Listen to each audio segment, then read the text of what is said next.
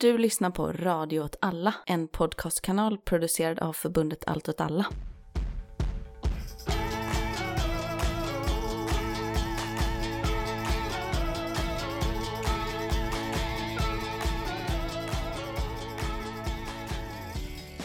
Ja, hej välkomna till Rörelse Udda krig och perspektiv. med mig Martin Hansson. Och med mig, Myran Andersson. Vi sitter här, Det, gör det är maj. Det är den 16 kanske? Det är den 16, det är alldeles riktigt. Varmt. Inte så varmt idag. Igår riktigt, eh, riktigt varmt. Det var det kanske? Eh, ja, och i förrgår. Ja, precis. Och ja, några dagar innan har det varit varmt. Ja, det är Ja, men enkelt. liksom sommarvarmt. Ja, Så härligt. ni som bor i eh, Storsverige, inte så nära kontinenten som oss, ni kanske inte har haft det så. Men vi har haft det så. Vi har haft det så. Att man kände att kort tid det var vår kändes det som. Det bara gick från var riktigt kall vår till att bli sommar direkt. Men nu är det tillbaka på vår, vår igen nu då, så att vem vet. Ja, och då är det så. Då är det värt att bo. Det är värt att bo i Malmö. Visst, ens barn kanske blir förnedringsrånade. En bomb kanske spränger en. Man är fullständigt omgiven av tokrasister om man bara åker en halv mil utanför stan. Men vi får några sommardagar till. Barnfattigdomen slår alla rekord. Skolan går på knäna. Vården, en katastrof. Men du är nöjd. Men jag, eh, man kan ändå vara ute en timme extra, man kan ta på sig shorts ett par dagar tidigare än alla andra. Du vill bara grilla. Jag vill bara grilla och dricka öl, ja. Det är det enda jag vill. Och spela in podd med dig, det gillar jag också att göra. Härligt. Ja, ska vi köra? Vi har ju redan spelat in en intervju, det var ju bara ett par dagar sedan. Uh, intervju är fel ord. Vi har redan spelat in eh, ett samtal, huvudtemat för avsnittet. I samband med grill och öl. I samband med grill och öl, ja. Men, och, och nu då så tänkte vi att vi kör ett litet nyhetssvep som ligger lite närmare in på släppdatum om det skulle hänt någonting. Och det hänger liksom lite ihop med Ukraina.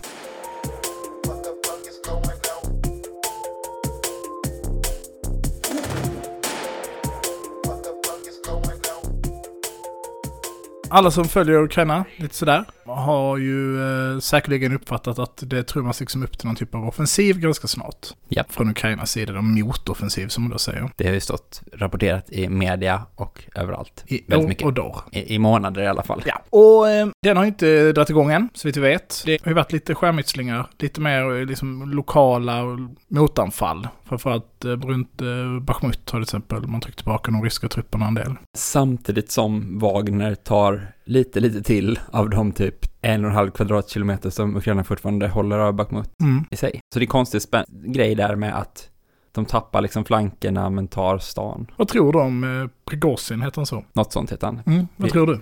Alltså jag tror att han spelar för högt på något sätt. Eller du menar för jag, för jag tror att han sålde uppgifter till amerikanerna eller något sånt? Ja, ja, men du, du kan dra den. eh, Det har också varit en grej nu senaste dagen. Jag tror inte på den, men eh, det har ändå varit uppe på tal liksom. Ja, precis. Det ska då ha läckt amerikanska dok- dokument som visar att de har liksom spaning som visar att han kontaktade Ukrainas säkerhetstjänst på något sätt och sa i utbyte mot att ni drar bort trupper ur Bakhmut så att jag kan erövra det så kan jag berätta för er vad den liksom reguljära ryska armén har sina positioner så att ni kan bomba dem, typ. Mm. Så att han vill liksom sälja ryska armén i utbyte mot eh, personlig framgång. Och det låter ju lite för urballat för man tänker ifall USA får reda på det så får väl Ryssland reda på det och då så får Putin reda på det så då så kommer han ju fimpa honom liksom. Och det finns ju också spekulationer om att i det här i själva verket är planterat på något sätt av Ryssland av kanske armén eller någonting för att kunna just fimpa honom. För det finns ju den här väldigt öppna konflikten mellan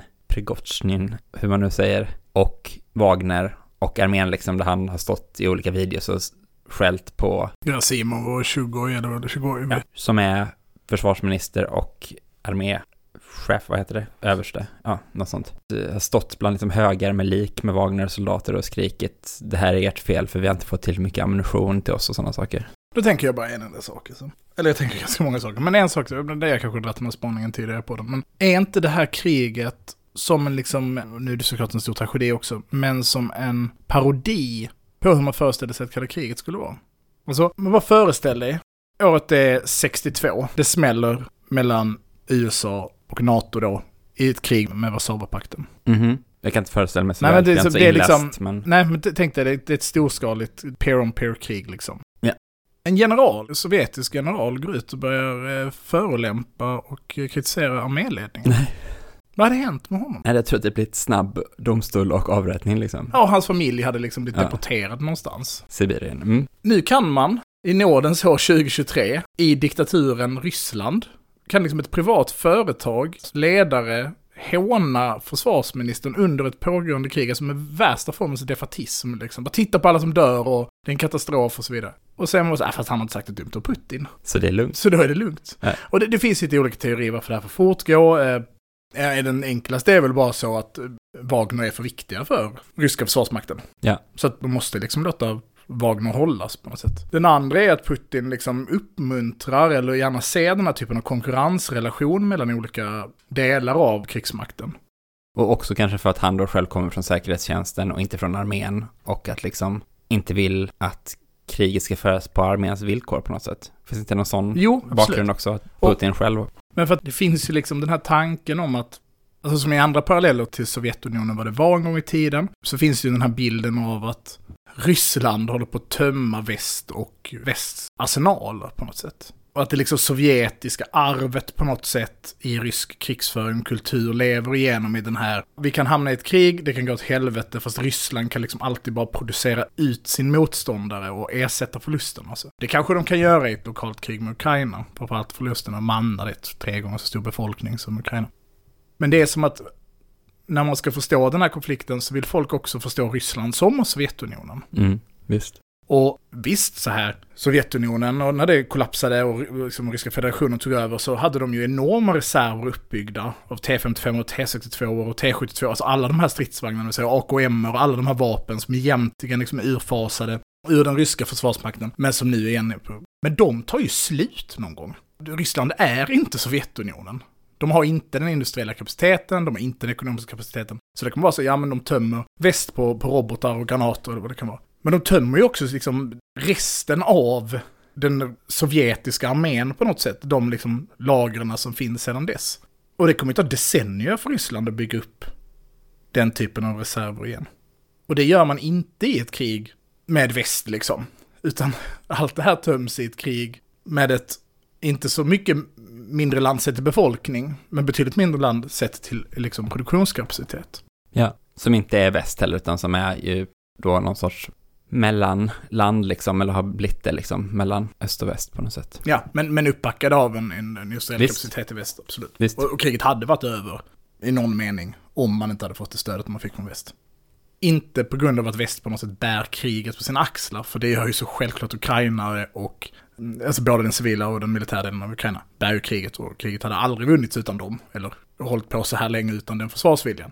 Men jag har mycket svårt att säga att Ukraina skulle kunna hålla stånd på det sättet som de gjort idag, utan det massiva stödet från väst. Med de linjerna de har så idag. Jag ser med andra sidan, det är väldigt Absolut. svårt att tänka sig att Ryssland skulle erövrat hela Ukraina, liksom, hur de än... Nej, eller de kan ju erövra ett massa territorier som att nu håller vi det här på en karta. Men eh, någon typ av väpnat motstånd hade kunnat fortgå.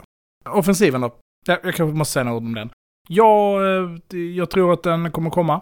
Jag tror att den är veckor eller månader bort. Jag tror inte Ukraina är redo. Den befinner sig i en, en dubbel position. Jag har sagt pratat om det tidigare. Men att ju längre tiden går, ju längre tid har Ukraina tid att få alla de här sakerna de blivit lovade av väst. Allt det där är inte levererat. Och kan beväpna upp de brigader de ska ha för att anfalla.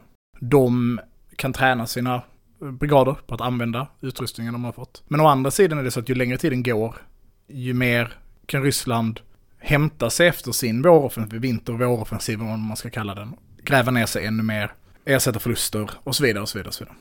Jag har ju sagt det tidigare, jag tror att motoffensiven kommer att ske, jag tror att den kommer att vara framgångsrik. Det kommer inte vara ett mirakel. Förväntar man sig ett mirakel kommer man nog bli besviken. Ukraina kommer eh, återta mark, men inte i proportion till de förväntningarna som byggs upp i media och har byggts upp i media över lång tid.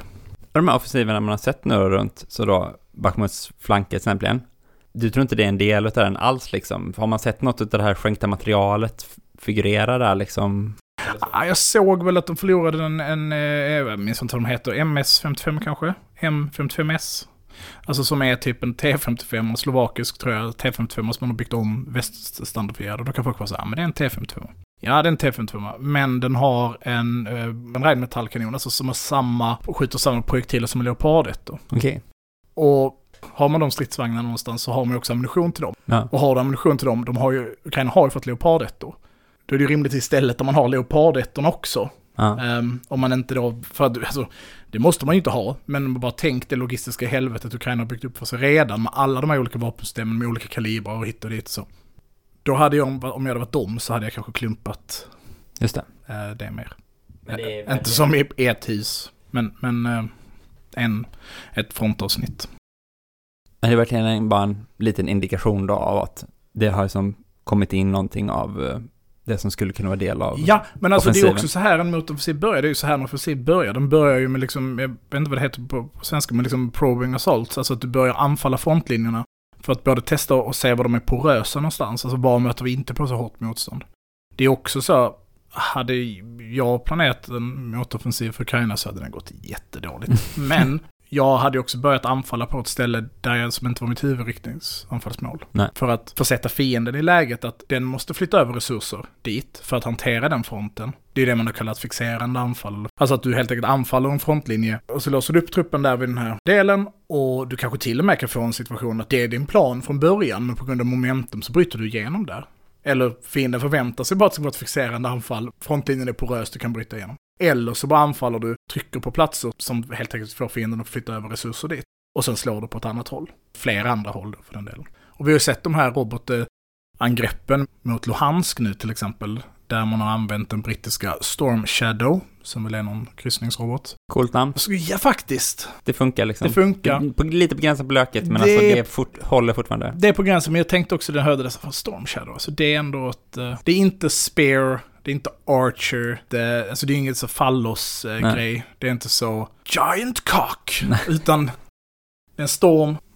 Men det är också skugga. Ja. Mm. Mm, ja. De, de når långt, eller vad är De grejen? når långt, de har skjutit in, skjuts in i Luhansk, tyder det på. Det, finns, det vet man ju inte, men, men det verkar vara det. Och eh, börjat angripa mål. Och Luhansk är en extremt viktig nod för eh, rysk logistik. Stan då, och inte oblasten. Oblasten är precis, Nej, staden Luhansk. Och det har, är liksom utanför räckhåll. Jag tror att strikt sett så skulle typ HIMARS och så kunna nå dit, men då måste HIMARSna befinna sig i stridszonen. Liksom. Och det vill de ju av naturliga skäl. I natt, eh, när vi spelar in, vilket kanske också kanske också är ett tecken på att det börjar hända saker, så såg vi ju att eh, Ryssland gjorde ett ganska stort robotangrepp mot Kiev. Just det. Ska säga jag kan siffrorna i huvudet, men 9 Kinshal, 6 Kaliber, 6 Shahed och är det sex stycken? Man är väl lite osäker på det, om det är S-300 som har skjutit markmål eller om det är kortdistans ballistiska robotar.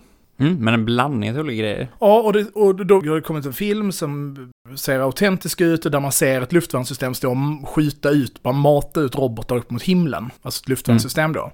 Eh, och sen ser man en detonation som ser ut att vara från närliggande platsen där luftvärnssystemet skjuter. Och jag skulle säga att, att det är antingen ett S-300 eller en, ett Patreon-system som står där.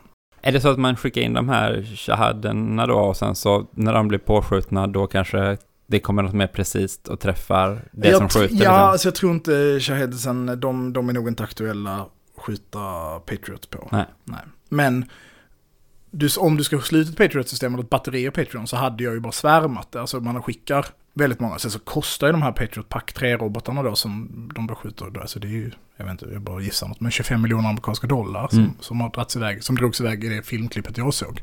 Mm. Så det är ju enorma summor pengar. Och eventuellt har då en uh, salvpjäs blivit skadad. Men, ja, det vet vi inte. Ehm, ja, nog om Ukraina, Ja. säger jag. Hur, vad händer i Sudan? Det vet man inte. Nej, okej, vidare. Någon... Men, eh, till skillnad från Ukraina där du kan hitta hur mycket ja, information som helst och det är mer en fråga om att sålla och fatta liksom så. Nu ska inte jag säga att jag har gjort något djupt grävande kring utvecklingen i Sudan, men liksom det är ju mest så att det finns typ ett Twitterkonto som uppdaterar kartor om hur situationen är. Och den personen sitter och frågar så här, kan någon som är i så här Blånilen-delstaten skicka info till mig för att jag har ingen där, alltså så här, och så DMar folk på Twitter honom och är så, jag är här. Okej. Och det är RSF som är här, eller det är armén som är här liksom. Och jag menar, det är väl, det är väl ett hattigt sätt att samla info på, men det är väl kanske ungefär lika trovärdigt som all annan och trovärdigare än respektive sidas liksom egen propaganda och så. Men jag tycker att det man får ut av att läsa det, om det liksom så, är väl att det är ingen uppenbar utveckling med att någon sida håller på så här och verkligen krossar den andra liksom, utan de finns kvar bara två. Det är fortfarande inga riktigt ordentliga frontlinjer. Det är mycket så i Cartoon att de håller olika stadsdelar bara om huller om buller om vartannat. Det ser ut som något sorts liksom mångfärgat pussel, får man kolla på de kartorna. Och vissa områden är inte hållna av någon liksom. Och det verkar ju vara just det att man har mycket då patruller och liksom besitter byggnader i olika områden. Men man liksom har inte en linje som man kontrollerar. Man, där inte någon släpps igenom från andra sidan. Och att runt om i landet så kan det vara som att i samma stad så kanske du åker igenom en liksom armékolonn en dag och nästa dag så åker det igenom ett RSF-gäng liksom, för man har inte fasta installationer överallt, utan det är mer öppet. Så det finns väl ingen större utveckling på det sättet. Det är något som rapporteras är att några av de här olika milisgrupperna som fanns innan då, alltså under tidigare inbördeskrig och så, som till exempel Sudan Liberation Army och till exempel en Sudan People Liberation Army North. Som ju direkt slår den som lite för lika namn för att det ska vara helt smidigt. Och sen så finns det ju då olika undergrupper till respektive grupp som är splittade och sådana saker i historien på massa olika sätt. Men de verkar liksom ha tagit upp vapen igen och skyddar i alla fall sina områden på något sätt och så.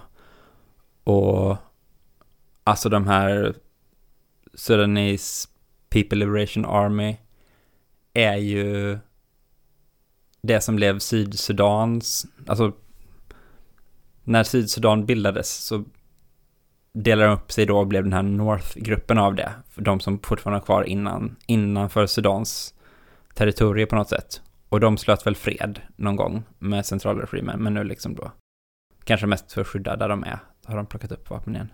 Nej men det verkar ju också finnas, ja de här tråkiga etniska dimensionerna så också om att liksom de kanske bara vill, kanske är inte muslimer och skydda sina områden på den basis. Det var någonting om att typ kyrkor i Khartoum hade blivit omvandlade till RSF-baser liksom och sådana saker. Så ja, trista dimensioner som verkar vara igång där. Okej, okay. jag tänker att man kan väl värt att nämna vad som händer i, i Palestina. Ja. Det har ju varit väldigt oroligt och våldsamt i, mellan framförallt eh, Israel och palestinska islamiska jihad. Just det. Um, och uh, i andra maj så, um, så uh, dog ju Kader Adnan i fängelse. Han hungerstrejkade sig själv till döds efter tre, tre månaders hungerstrejk. Och det är det första sånt dödsfallet på, jag vet inte, decennier i. Och uh, han har ju varit en väldigt högljudd aktivist liksom. Synts och hörts mycket, suttit fängslad, jag vet inte vad det 14 gånger. Över hälften utan rättegång eller något sånt. Alltså det är verkligen så. Och har väl anklagats för att vara typ en av talespersonerna för palestinska islamiska jihad. Det ska jag inte ta gift på, men jag minns att jag har läst det. Um, och detta, liksom det har väl varit en tid där det har varit så brutalt, liksom brutala ingripanden i, i, i ehm, Nablus och Janin. Och att det har funnits ett tryck att liksom den palestinska rörelsen ska, ska svara på det här. Och när Kadronan dog så, så blev det väl, det var ju den andra maj. Och typ den tredje maj så, så sköts det liksom utifrån hundratal raketer från, från Gaza då, framförallt. Men det var ju också lite beskjutningar inifrån Libanon. Och sen började Israel bomba och göra nya räder i Nablus. Och eh, sedan dess har det typ pågått, eh, framförallt väldigt hårda bombningar av, av Gaza. Mm. Men du sa hundratal raketer, sist det var så här riktigt stor urladdning. Mm. Då var det... Det var det mer. Det var mycket, fanns, mycket mer va? Jag läste liksom en teori som var så här att, att uh, palestinska islamiska jihad, de höll tillbaka lite under den här beskjutningen. Alltså det var mycket raketer, så hundra raketer är mycket. Men det var också vilka raketer som sköts och så. Egypten har varit inne och medlat och det fanns liksom en... Jag vet inte, jag läste en analys som var, ja men det här är en markering och om inte man når liksom någon typ av vapenvila nu, då kan man liksom, då kan palestinska islamiska jihad levla det här på något sätt. Ja. Men det fortsätter ju den, den eh, processen som jag har pratat om tidigare, att det känns som att palestinska islamiska jihad blir allt mer framträdande. Som är knutna till Iran. Ja, det är ju Hamas också i någon mening. De är ju väldigt olika, alltså Hamas och palestinska islamiska jihad är väldigt olika rörelser. Där PJ då inte är så mycket liksom ett parti på det sättet. Utan mer liksom en, ja men en väpnad, en väpnad rörelse och ett typ, jag vet inte om man skulle uttrycka det, men liksom ett fraternity på något sätt. Alltså en, en, en ja. ett sällskap. Mm. Uh, så de är lite annorlunda till, till sin, uh, sin struktur. Jag tror inte de utmanar inte Hamas på det sättet heller, om, om eh, den politiska makten. Det har varit val i Turkiet, Ja, 5 cent. nej, det var tråkigt att det gick så dåligt. Eller att det gick så bra för Erdogan och för olika fascistgrupperingar liksom. För det är väl, Erdogans AKP har ju krympt en del, men det är också som att de riktiga nazisterna, höll jag på att säga, har gått fram också liksom. Och sen så nu, det, jag såg lite så att, vad heter det här Left Green Party eller vad det heter, som är det som de har istället för HDP för att det håller på att bli förbjudet nu. Hade som påvisat valfusk så att de hade fått ett mandat till på någon ort och så. Jag vet inte ifall det kan droppa in ett gäng sådana till, men jag tror att det är typ så här 330-270 eller någonting mandaten i deras parlament. Och det är osannolikt att det skulle svänga 30 mandat liksom där. Så det får man nog konstatera att den sidan vann parlamentet och i presidentvalet som väl alla vet så blir det en andra omgång men Erdogan fick 49,5 procent eller någonting. Men CHP-kandidaten fick 44,5.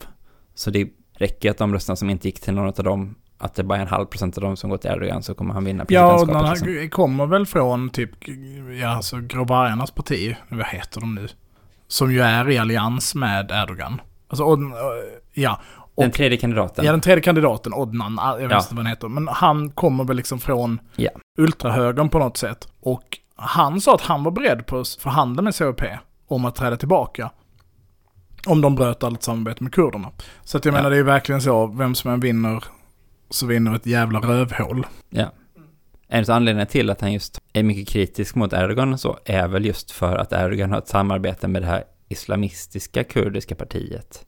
Som är liksom som en, ett kurdiskt alternativ till HDP där som är höger istället liksom. Eh, så att han bara var så, nej nej, då kan inte jag längre vara med i det här, då måste jag köra mitt eget race liksom. Ja, nej precis, det, det verkar vara hans grej. Ehm, Mm. Nej, vad kan man säga? Alltså det blir ju så här. Hade liksom Erdogan förlorat så hade det funnits något hopp om liksom typ demokratin i Turkiet känner man. Men det visar ju inte att det är demokrati genom att Erdogan vinner för att hela valrörelsen är ju riggad till hans fördel från början. Liksom man säger väl det ibland att det är liksom fria men orättvisa val liksom. Att det folk röstar på är nog det som blir valresultatet liksom. Men eftersom inte folk kan kampanja för vilket parti de vill utan att hamna i fängelse så, så bedrivs inte valrörelsen på lika villkor och förutsättningarna är inte lika liksom. Så att det, bara för att det har varit val nu, Erdogan blir vald igen, så blir inte Turkiet mer demokratiskt av det liksom. Nej, deppigt. Vi hade inga roliga nyheter alls. Nej, här. jag kan propsa för en grej här, kan göra lite reklam.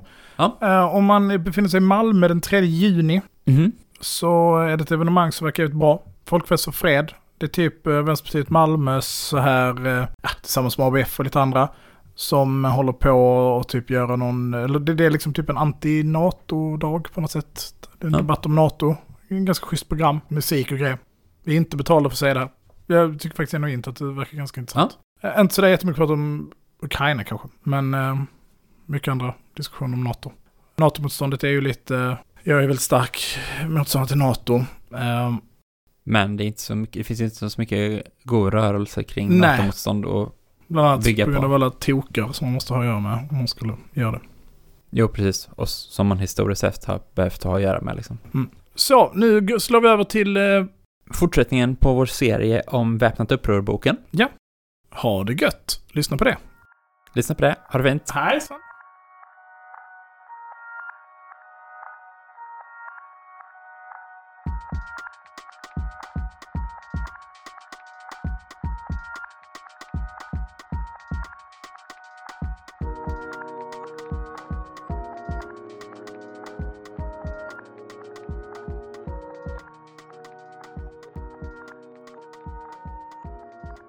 Då eh, sitter vi här med veckans gäst. Ja, vad kul. Ja, får presentera dig. Andreas, Sveriges ledande expert på Filippinsk islamistisk terrorism, kan man säga. och Weimarrepubliken i ett liksom. Om man tar det. Och också filippinsk muslimsk islamism för sig. Precis. Men också då kombinationen blir ju unik också per definition då. Ja, Det är som att man spelar MMORPG, alltså combinar man en unique item med kanske en annan item så blir den nya itemen också unik kanske. Jag vet inte, jag har aldrig spelat ett sånt dataspel men jag bara tänker mig att det är så det fungerar. mm. Jag förstod ingenting där. ja men, så, ja men så kan det nog fungera ibland. Att man har så här ehm, Super Bane Sword.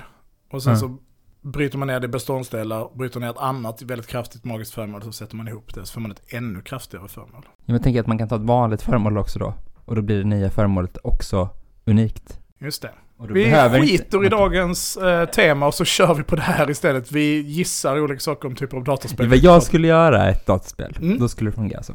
Och så går jag eftersom jag inte vet vad du pratar om. Ja, men du får också bara hitta på en åsikt tänker jag, så, så får vi köra på den. Men- Det här är en fortsättning på en serie som vi etablerade att vi skulle ha i avsnitt 102, Knall och fall i Reval. Som ju tar sitt avstamp i boken, pamfletten Väpnat uppror.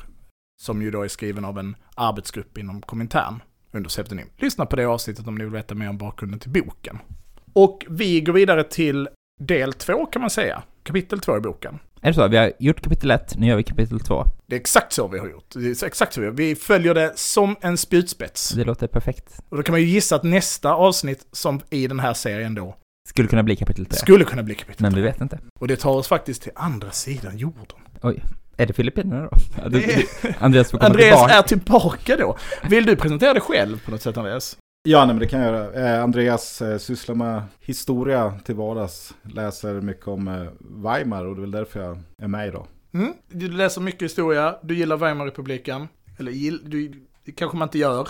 Man är Nej. intresserad av den. Jo, men jag är intresserad av Weimarrepubliken. Eftersom jag har pluggat historia så har jag lärt mig att är det någonstans man inte ska söka hjältar så är det i historien. Och Weimarrepubliken är ett sånt tydligt exempel på det. Det finns ingen som man kan hylla genom en hel livstid under Weimar. En av sådana här favorittillfällen under Weimarrepublikens dagar, det är den absolut sista dagen. När eh, Hitler ska få, har omröstningen i riksdagen för att få all makt. Och då känner du, jag kan inte hålla på Hitler längre. Nej, precis. Nej, men då är det en snubbe, ledaren för Socialdemokraterna, Otto Wells, Mm. ställer sig upp och håller ett eh, 10 minuters brandtal. Även fast han har blivit varnad för att åka dit för att det är farans för hans liv, han kommer bli arresterad. Men han gör det, han går upp och håller ett jättelångt tal mot nazismen och mot diktaturen. Det är fantastiskt. Vilket mod. Men om man går tillbaka i historien och tittar i början av Weimarrepubliken så falnar hans stjärna ganska rejält på en gång. Och så är det med nästan alla figurer som är viktiga under Weimarrepubliken. Så delvis eh, från det här perspektivet och delvis för att eh, det händer så otroligt mycket. Det är svårt att förstå sig på, det är en spännande period och det är nog också den mest refererade perioden i den politiska diskursen idag. Just det. Så att eh, det är också väldigt intressant. Och sen är det intressant också från ett arbetarhistoriskt perspektiv. För att det är ett sånt misslyckat tillfälle från den samlade arbetarrörelsen. Man lyckades skapa kanske då världens mest demokratiska och fria samhälle. Och det slutar i total diktatur, förtryck, krig, rasism, folkmord. Just det, och då tänker jag att vi kan, som passus tillbaka till ett annat avsnitt, så är det avsnitt 43 med Fredrik Egefur, som ju då mer handlar om socialdemokratin innan första världskriget, men liksom för att få idén om hur stark liksom socialdemokratin och vänsterrörelserna var i Tyskland. Arbetarrörelsen i stort, Ja, ja. precis. Arbetarrörelsen är i stort i Tyskland. På tal om misslyckade möjligheter på Mm. något sätt. Hur kunde den här otroligt starka arbetarrörelsen misslyckas med att stoppa krigen? Och hur kunde den otroligt starka arbetarrörelsen i Weimarrepubliken misslyckas med att liksom bygga ett starkt fungerande samhälle och istället fullständigt falla in i barbari? Mm. Ska jag dra lite kapitlets liksom, grund så tänker jag att du kan hoppa in lite Myran, för du har ju, du har ju läst eh, Fyra sidor. inte i Wikipedia utan faktiskt i en bok. Ja.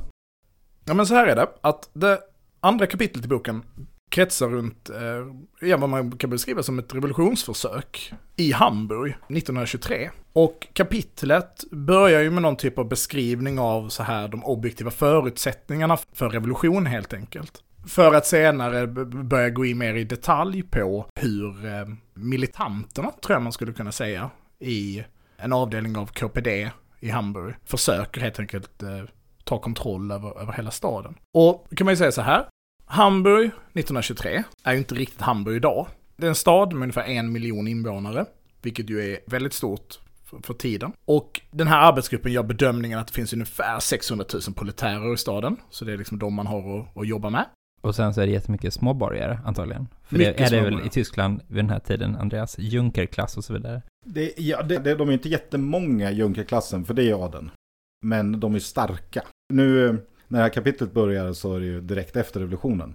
Och ett av de här alla misstagen det är att man slår inte sönder strukturen inom eh, militären efter revolutionen. Utan det är i princip samma militärledning som det är under kejsartiden. Så den är ju intakt, Junkerklassen är ju intakt i, till sina gamla maktbaser. Men det, det, och det finns ju en ganska stark medelklass. Junkerklassen kanske bara var ett exempel där, men det finns väl överhuvudtaget mycket så här småborgare, Oh ja. eh, Oh ja. s- små företag så här Oh ja. mycket att mm, det som idag hade varit en så här kedja, så, lokal affär, var på den tiden ägt av en liten handlare och så, och det gjorde att en större andel av samhället var småborgare. För att man tänker ju det, ifall det är en miljon människor så borde det vara 800 000 eller 900 000 i arbetarklassen i Tyskland. Men att det är en stor andel utav de här. Ja, det finns Andra en ganska grupperna. stor tjänstemannaklass också. Du refererade här till efter revolutionen. Ja, både innan det. Vilken revolution är det du... Ja, förlåt, förlåt. Jag förlåt. tänker för, för lyssnarnas del. Förlåt. eh, nej, alltså 1918-19, slutet av första världskriget när eh, kejsaren abdikerar och eh, Socialdemokraterna och de oberoende Socialdemokraterna tar makten både på regeringsnivå och i soldat och arbetarråden. Det är en dubbelutveckling i Tyskland efteråt som är väldigt komplicerad. Och i Hamburg då, så tänker man att läget är så här. Det är ekonomisk katastrof i Tyskland. Arbetslösheten är skyhög. Det är liksom eh, ockupationen av Ruhr har ju skett då i januari. När fransmännen går in och ockuperar Ruhrområdet, vilket är ju liksom den stora typ järn, stål, eh, kol. Produktionscentrat i Tyskland. Och arbetsgruppen vill ju då göra gällande att Hamburg har liksom många objektiva förutsättningar för det här revolutionsförsöket, bland annat på grund av de här stora medlemmarna socialdemokrater som de här är ganska kritiska till, kan man väl säga, i den här arbetsgruppen.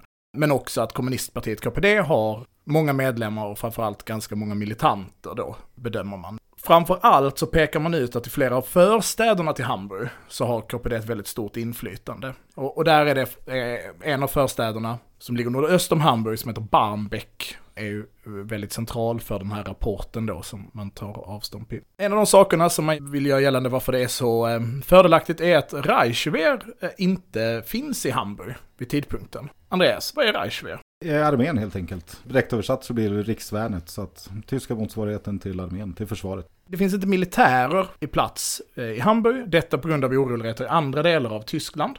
Istället så finns det poliser. Och det pratas bland annat om att det finns runt 5000 poliser som har tillgång till stora mängder skjutvapen. De har sex pansarbilar.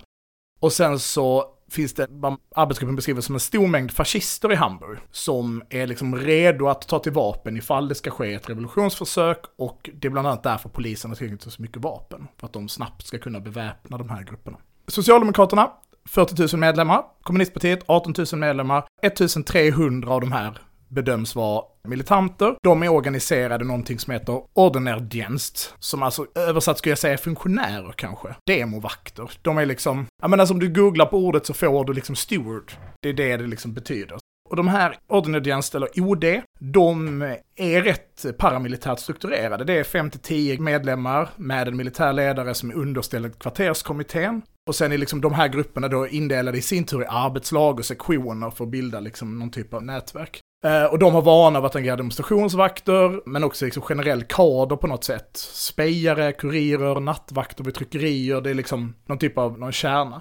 OD då, de har tillgång till runt 80 handeldvapen. Framförallt revolvrar. Det låter ju ganska lite i en stad på en Ja. miljon invånare. Ja, det, det är verkligen sådär. Och när KPD beslutar i augusti 1923 att man ska börja bilda kampgrupper, då är det framförallt OD då som utgör liksom kärnan av, av det här. Och partiet bildar 15 rätt militära, alltså paramilitära grupper, som blir uppdelade ungefär 40-60 man var där. Har du någon input här på varför bestämmer partiet att man ska börja bilda kampgrupper 1923? Just att man gör det 1923, det vet jag, men det, det har nog helt enkelt sin grund i eh, att det är så många, delvis frikårerna, och eh, det är mobiliseringen av eh, frontsoldaterna drogs framförallt upp i nationalistiska konservativa krafter. Det är inte svårt att hitta bilder på nätet där frontsoldater från eh, västfronten, när de marscherar hem, så gör de det under den kejserliga krigsflaggan istället för den nya trikoloren. För att visa ett avstånd mot revolutionen. Så det finns ju stora grupper, både de aktiva frikårerna, men också föreningar av före detta soldater. Och många av dem är konservativa och nationalistiska. Så alla partier bildar motsvarande frikårer, kampgrupper. När man läser litteraturen så framkommer det att många av de här för detta frontsoldaterna, de saknar gemenskapen, strukturen och så vidare. Så att både SPD och eh, KPD medvetet skapar militanta grupper, uniformerade, för att man ska fånga upp dem till sin sida istället för att de ska gå in i, de nationalistiska grupperna. Och KPDS är väl då Rotte Kempförbund. Precis, Och till en början med. Ja. Ja, de har väl Rotte Marinen och lite andra. Ja, och sen eh, det, det förbjuds ju sen och kommer tillbaks och sen ombildades till AFA. Antifascistisk aktion, men Just det vet ju alla vad det heter. Och Socialdemokraternas är... Det, den första är eh, Reichsbaner Schwarz-Roten-Gold. Som egentligen inte bara är Socialdemokraterna, det är de så kallade Weimar-partierna som ligger bakom den. Så det är både Socialdemokraterna, fackföreningarna, de reformistiska fackföreningarna ska jag säga. Centrumpartiet, alltså det katolska partiet. Okej. Och eh, ett eh, liberalt parti. Det är mer en, en dem, som pro-demokratisk. Okej, så riksvärnet befinner inte sig i Hamburg, liksom armén är inte i Hamburg. Och partiet i Hamburg bestämmer sig för att kalla till ett möte den eh, 21 oktober och diskutera möjligheten att göra ett väpnat uppror i Hamburg för att läget bedöms vara så gynnsamt. Just utifrån de här ekonomiska förutsättningarna då att arbetslösheten har rusat så enormt och de liksom resonerar ju också om då att på något sätt alla de här småborgarna har drivits in i arbetarrörelsen eller och sympatisera, de framställer det själva såklart som att de sympatiserar med dem då, med kommunisterna och så, för att de förlorar också på hyperinflation och allt det som händer liksom, att, att motsättningarna i samhället skärps. Och samtidigt finns det väl några då banker och eh, typ landägare och så som tjänar på den här hyperinflationen på något sätt för att de kan skriva av alla sina skulder och sånt. Och det är ju också så att det sker, liksom ledningen för partiet i Hamburg är ju iväg, eller en delegation av dem är ju iväg på ett stort möte. Klemitzkonferensen, heter den så? Det gör den. Ja, har du koll på vad det är? Nej, Jag har inte jättebra koll på den om jag ska vara ärlig. Nej,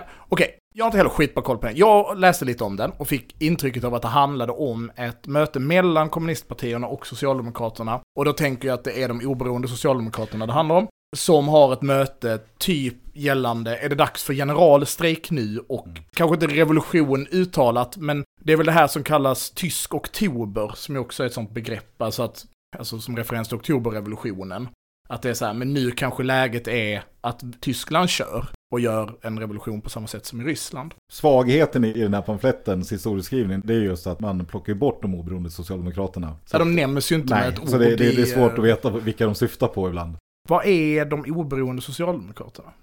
De oberoende socialdemokraterna är äldre i Tyskland än kommunistpartierna. Som i Ryssland som i Sverige så alla socialistiska partier börjar som socialdemokratiska partier och det tyska är ju Europas eller världens äldsta moderna parti tror jag. Men under kriget så fanns det en stort motstånd mot att man skulle bevilja krigskrediter. Där Karl Liebknecht och Rosa Luxemburg var de mest tongivande. Eh, Liebknecht blev ju till slut den enda som vägrade rösta för. Det ledde till att eh, Socialdemokraterna splittrades i eh, socialdemokratin och oberoende socialdemokratin. Så SPD, USPD. Är det de man kallar spartakisterna då? Nu blir det komplicerat, Ja. ännu mer komplicerat. För inom USPD så finns spartakisterna också. Okej. Och de i samband med eh, revolutionen 1918-19, det är då man börjar brytas ut och bildar kommunistpartiet till slut. Som sen i sin tur splittras i KPD och KAPD och så vidare. och så vidare. Det finns ju flera andra socialdemokratiska partier också efterhand, så att det är en sörja. Ja. Eh, Men så det är, det är en vänsterutbrytargrupp.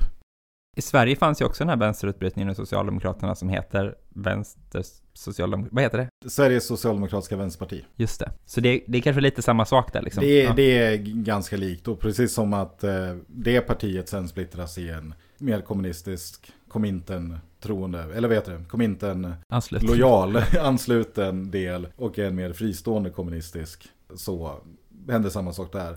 Och precis som i Sverige så i Tyskland så många av de som inte går med i kommunistpartiet Gå tillbaka. de går tillbaka till Socialdemokraterna sen. Så den här konferensen sker, och då bestämmer man liksom så här, ah, okej, men läget är bra, men vem fan sitter och väntar på den här skiten? Vi bara kör. Det är uppenbart att det har varit ett sånt möte. Jag tänker att det har druckits ganska många öl, och att de är så, vi bara, vi bara köttar nu. Och tanken är helt enkelt att så här, om Hamburg börjar, då kommer det sprida sig. Och vi kan göra det här i Hamburg, tycker man, så att... Vi har de här 80 pistolerna. Vi har till och med inte pistoler, vi har 80 revolvrar. vi har 80 revolvrar. Och om vi kör och den här konferensen sker och vi liksom lyckas, då tvingar vi, föreställer jag mig, att Mm. man föreställer sig att konferensen liksom tvingas bli radikalare på något sätt. För det har liksom redan hänt. Lite som att man beslutar om stormningen av Vinterpalatset man godkänner stormningen efter att stormningen har skett. Att det liksom, att man är så, nu, händer det här. Så 21 oktober på kvällen, det är en söndag, då sätter man sig ner. Man behövde inte generalstrejken bedömer man. Den behöver liksom inte klubbas och sättas igång, vi kan köra ändå. Man bestämmer att en järnvägsstrejk ska liksom spridas ut, man ska bestämma att vi har järnvägsstrejk, vi löser det. Det kommer att försvåra alla eventuella truppförflyttningar till staden. Och så är man så här, och imorgon, måndagen den 22 oktober, då får vi liksom ha mötet hur vi gör det här. Man säger först att man ska köra, men inte hur man ska göra. Nej men precis, de är lite så här, de beslutar att det kommer hända, jag tänker att det är ett långt möte Ja. liksom. Okej, men det får bli en järnvägsstrejk, det behöver vi gå ut och prata med våra fackaktiva, det kommer att bli järnvägsstrejk. Så att 22 oktober möts man igen. Och man gör en plan, och planen är typ så här. Kuppanfall mot vapenlagarna, man ska skicka ut eh, smågrupper som snabbt tar vapenlager. Och då löser man problemet med det här att man bara har 80 revolvrar, då har man ju vapen. Sen samtidigt med de få vapen man har och med lite av de här vapnen man fått från vapenlagen så tar man polisstationerna. Sen, och det här är framför allt i förstäderna, tänker man. Och Altona då såklart, arbetarområdet Altona. Eller förlåt, Sankt Pauli och Altona. De binds liksom lite ihop. Sen kickar man loss massdemonstrationer inne i Hamburg. Som på något sätt skyddar de väpnade grupperna. Pressar polisen och fascisterna som man föreställer sig då har kommit ut söderut. Ner mot floden. Man har tagit broarna, då är fienden omringad. Då avväpnar man allihopa slår ut post, telegraf, anfaller flygplatsen. Sen reser man barrikader och förstör tillfartsvägar på en omkrets på 25 kilometer runt om staden. Och sen bara bunker down och vänta på stormen liksom. Okej. Mm. Nu har inte jag läst kapitlet, resten. Jag fick bara läsa början här. Jag vet inte hur det går. Vad tycker du spontant? Jag tycker att det känns som att det finns en ganska optimistisk inställning.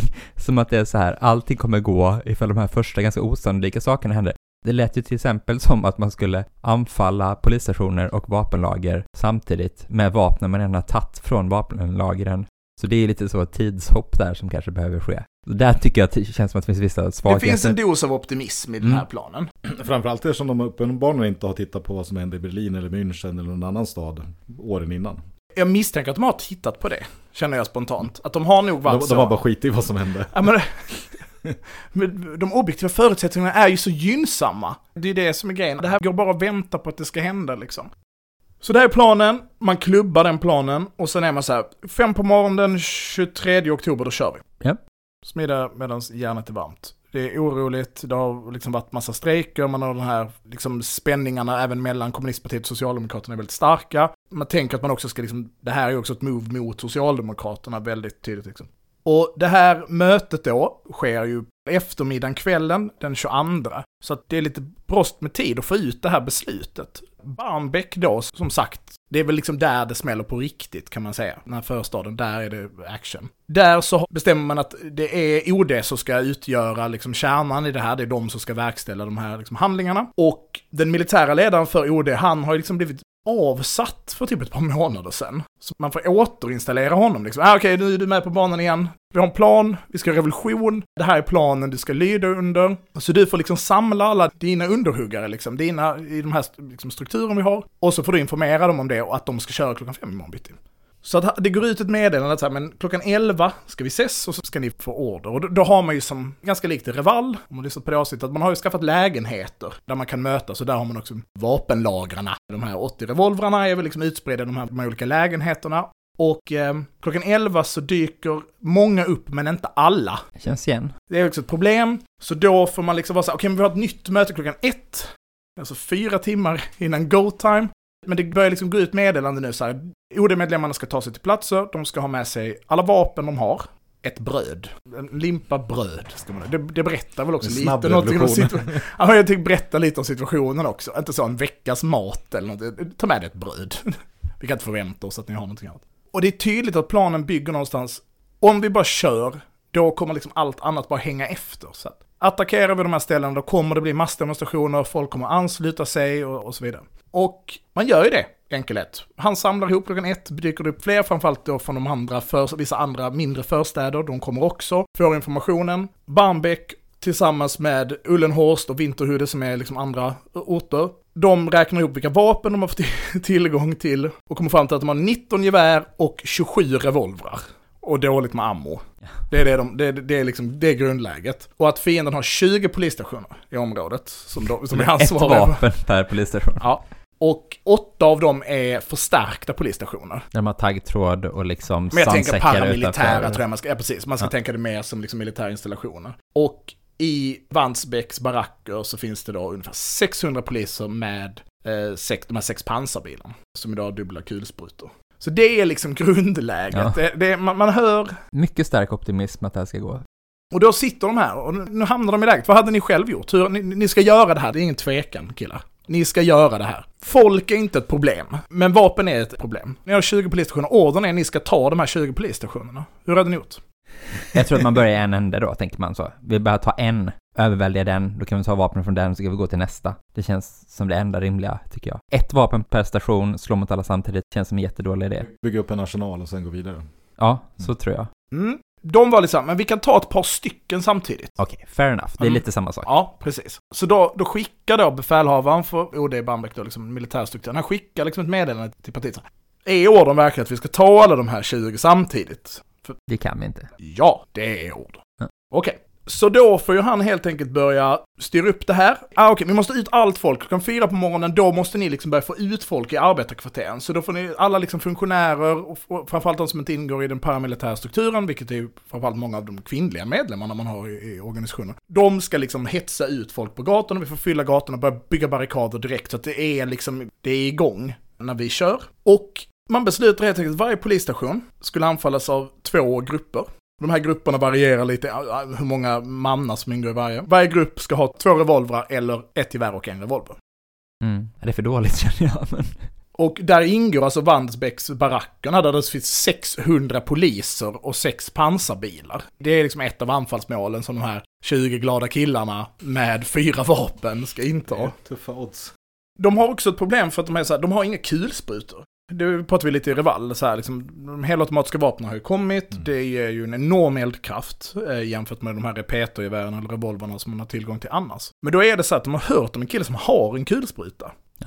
Så då cyklar två medlemmar dit. En entusiast. En möp som bara Ja, har en ja, kulspruta hemma. Typ. Ja, men jag tänker att han kan bli typexempel på ett av de här veteranerna som har bara tagit med sig ett vapen. Mm. Rimligtvis måste ju många av de här som inte blev ordentligt avmobiliserade behållit även vapen. De hade ju kvar sina uniformer och så vidare, så varför inte vapen? Nej, det måste ju också vara lätt i den stora Ja. liksom, oron. Kaoset som ja, också. Det vet man ju i modernare krig. Vi har ju det här gamla skämtet om svarta pantarsoldater som skickar en granatkastare hem till Detroit efter liksom att ha varit i Vietnam. Mm. Så, det, så då cyklar två killar ut liksom, knackar på så här, fan du, eh." jag tänker att det här måste ju vara så här två på natten eller någonting, för de har ju fått ordern nu liksom, så då vet ju alla. Och jag sa, du vi har hört att du har en kulspruta, kan vi få det liksom? Men så här, vem fan är ni? Så har de ett lösenord med sig. Men han bara skiter i det. Han bara tror inte på det. Så de får inte kulsprutan, de får cykla, cykla tillbaka igen. För att han var så, han hade inte hört någonting om det här upproret. För det är ju lite snabba... Men han hade gett kulsprutan ifall han vetat vad det var. Absolut, enligt den här arbetsgruppen så är det ju så här, ja ja, då... Okej. För Det, det här tror jag ingår liksom lite i kritiken, för kritiken som byggs upp är ju Det är ju väldigt hård kritik mot KPD överhuvudtaget. Ja. ja. det är nästan konstigt eh, Ja. hård kritik för, för att vara skriven av en... Kom intern arbetsgrupp. Mm. Så det som händer är att nu cyklar ju folk runt liksom, i Hamburg. Och knackar på åt folk och är så, du, vi kör om tre timmar. Och då ska vi säga så att stämningarna är ju liksom uppbyggda för det här och det finns väl antagligen också ett ganska stort tryck ifrån sin egen rörelse att nu, nu borde vi ju göra något, situationen är orimlig. Så de kör! Ja. Och halv sex på morgonen, hur är läget då tror du? De har tagit tre polisstationer. Det låter optimistiskt. Ja, men du har läst hela boken. Nej, jag har faktiskt inte gjort det. Det här jävla kontrarevolutionen. De har tagit 17 polisstationer! Oj, oj, oj, oj, oj. En av de befästa polisstationerna har de inte lyckats, de har inte lyckats avväpna, istället så har de eh, belägrat den och anledningen till att de inte har lyckats tillskrivs då en klantig eh, gruppchef som eh, besköt byggnaden samtidigt som en annan grupp var inne i byggnaden. Så då trodde gruppen inne i byggnaden att det här var förstärkningar som hade kommit, ja, men sånt. Men de tog för fan 17 stycken! En av anledningarna till att de, de tillskriver varför polisen inte är redo är för att Det är fyra på morgonen, då sover man Ja, men för att läget har varit så spänt i så många dagar. Ja. Så att de har varit uppe i så högsta beredskap i flera dagar. Och sen är man så här, men okej, nu har det liksom inte hänt något. Så då har man liksom trappat ner mobiliseringsnivån bland soldaterna och polisen. Så att de är så här, men nu är liksom det över. Och då bara hoppar de här tio ninjorna in med sina två revolvrar och är så yeah! Och då ger de sig uppenbarligen. Eh, Så att vid ungefär sex på morgonen, då har i Barmbäck då, den här första, de har 130 man beväpnade med kulsprutor och k-pistar som möts upp på en av liksom eh, uppsamlingsplatserna. Fan vad fet stämning det måste vara då Då var det nog rock'n'roll. Det var nog känslan var. Nu, nu är det High Chaparral här och så. Det är också så att de, många medlemmar vet inte hur man hanterar både kulsprutan och k-pistan. Framförallt k-pistan är ju så, de har ju funnits, men det är liksom vanlig skyttesoldat kan ju skjuta med trepeter i det. Så då tvingar de polisen att visa dem hur de använder k-pistarna. Och så man bara plundrar ut allt vad man kan. Bland annat är ju en av anledningarna att man, som den här arbetsgruppen kommer fram till, är att ja, men, polisen var inte redo på grund av liksom de här spänningarna som hade funnits under lång tid. Men också för att man verkar ha gjort en jävligt ordentligt förarbete. Alltså man, man har koll på polisstationerna, man, man vet liksom var alla dörrar, man vet hur många de är, man vet var de sover. Så här. På tal om då till Reval då, när man bara så, det var fel hus. och så vidare. Samtidigt är det också så att, och det tycker jag är nästan det som är mest chockerande, det är att polisen inte vet om att det ska hända. Alltså för där någonstans, liksom vid ett, då börjar det vara så många människor inblandade så att det borde börja sippra ut och nå polisen. Liksom. Hur var liksom polisens relation till staten och så under Weimarrepubliken, Andreas? komplex. Återigen, nej men det är, polisen har väl alltid en tendens att vara något mer konservativ än resten av samhället. Har jag en känsla av. Och eh, det finns ju, det, det finns ju andra sådana tillfällen, för att dra en parallell till senare, en, en av orsakerna till att eh, Weimarrepubliken kan gå under är för att eh, den tyska federala regeringen gör en statskupp mot Preussen. För Preussen var ju mer än hälften av Tyskland vid den tidpunkten. Och eh, Socialdemokraterna hade eh, kontrollen över Preussen långt efter att man tappade makten över, över hela landet. Och man gjorde ju en regelvidrig statskupp, lagvidrig statskupp för att få makten i Preussen. Och Preussen hade en poliskår som var i princip lika stor som armén. Men de gick inte in, de stoppade inte. Och det är nog liksom relationen man kan ha, se hela tiden. Och det är väl också en av orsakerna till att många av, av de kuppförsök som sker från arbetarhåll slås ner så blodigt. För att det är ju polisen som skickas ut för att skjuta mot eh, demonstranter, mot kuppmakare och så vidare. Men regelvidriga kupper, ska jag säga att det är något som jag tar avstånd från. Fortsätt. Ja, det är så starka avstånd som Men, och då är det ju, det som händer är ju att man kör liksom på i Bambek. Det är strider, man tar inte alla polisstationer, men man slår tillbaka polisen, liksom lyckas samla ihop lite, gör lite motanfall, barrikader reses i liksom staden. Det är mycket prat om att man Polisen förväntar sig att man ska strida från barrikaderna, men det gör man inte utan man strider liksom från hustak och balkonger. Så det verkar vara ganska effektivt om man får döma av den här arbetsgruppens analys av situationen i Bamberg. Men upproret i Hamburg pågår ju bara två dagar och sen så knäcks det. Och anledningen till att det knäcks är ju för att det typ bara händer i Bamberg.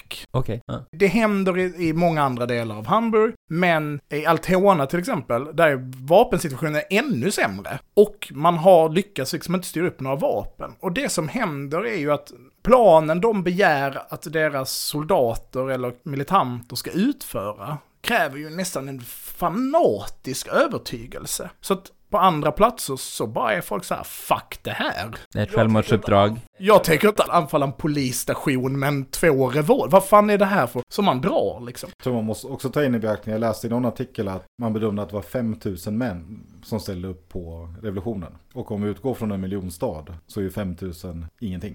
Nej, nej, även liksom det politiska läget. Men det blir ju, framför, återigen då till Bamberg, det är ju liksom strejker, så staden håller ju andan i någon mening. Men det är ju uppenbart att man inte har eh, gjort de här liksom förberedelserna, varken då politiskt eller då militärt. Det slutar ju, vissa på ställen så slås det liksom helt enkelt bara ner, alltså polisen övermannar och skjuter ihjäl de som är inblandade eller arresterar dem. Men i Bamberg, framförallt södra Bamberg, där pågår striderna liksom fram till slutet och där lägger man ner vapnen själv när den här Hamburgkommittén kommer tillbaka från den här konferensen och är så här, vad fan håller ni på med?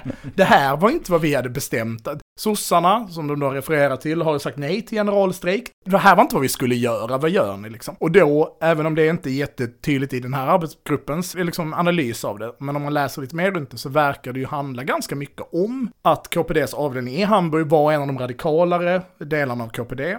Och specifikt i Bamberg hade man rätt stort stöd för KPD och att den partiavdelningen var väldigt radikal. Så där lägger man helt enkelt ner vapnen. Det är inte ett jätteblodigt uppror det här heller. Wikipedias siffror. Polisen har 17 döda, 69 sårade. KPD har 21 döda, 150, 170 sårade och 102 gripna. Liksom. Det är liksom inga, det är inga Ja. jättesiffror. Och det blir inte mer än att de hundra kanske utsätts, eller Och sen kommer ju det här med nazismen. Jo. Det är ju en grej. Det är ett par år bort. Jo, jo. Men inte fler som hamnar i fängelse i det här, utan kanske max de här hundra då liksom. Det greps ungefär 1400 personer efter skalven av de här händelserna. Och just politiskt är det ju spännande då effekten, till exempel i, i vissa kvarter så efter de här, alltså i valet eh, 24, då får KPD 32 procent, vilket är en ganska ansenlig summa eh, röster.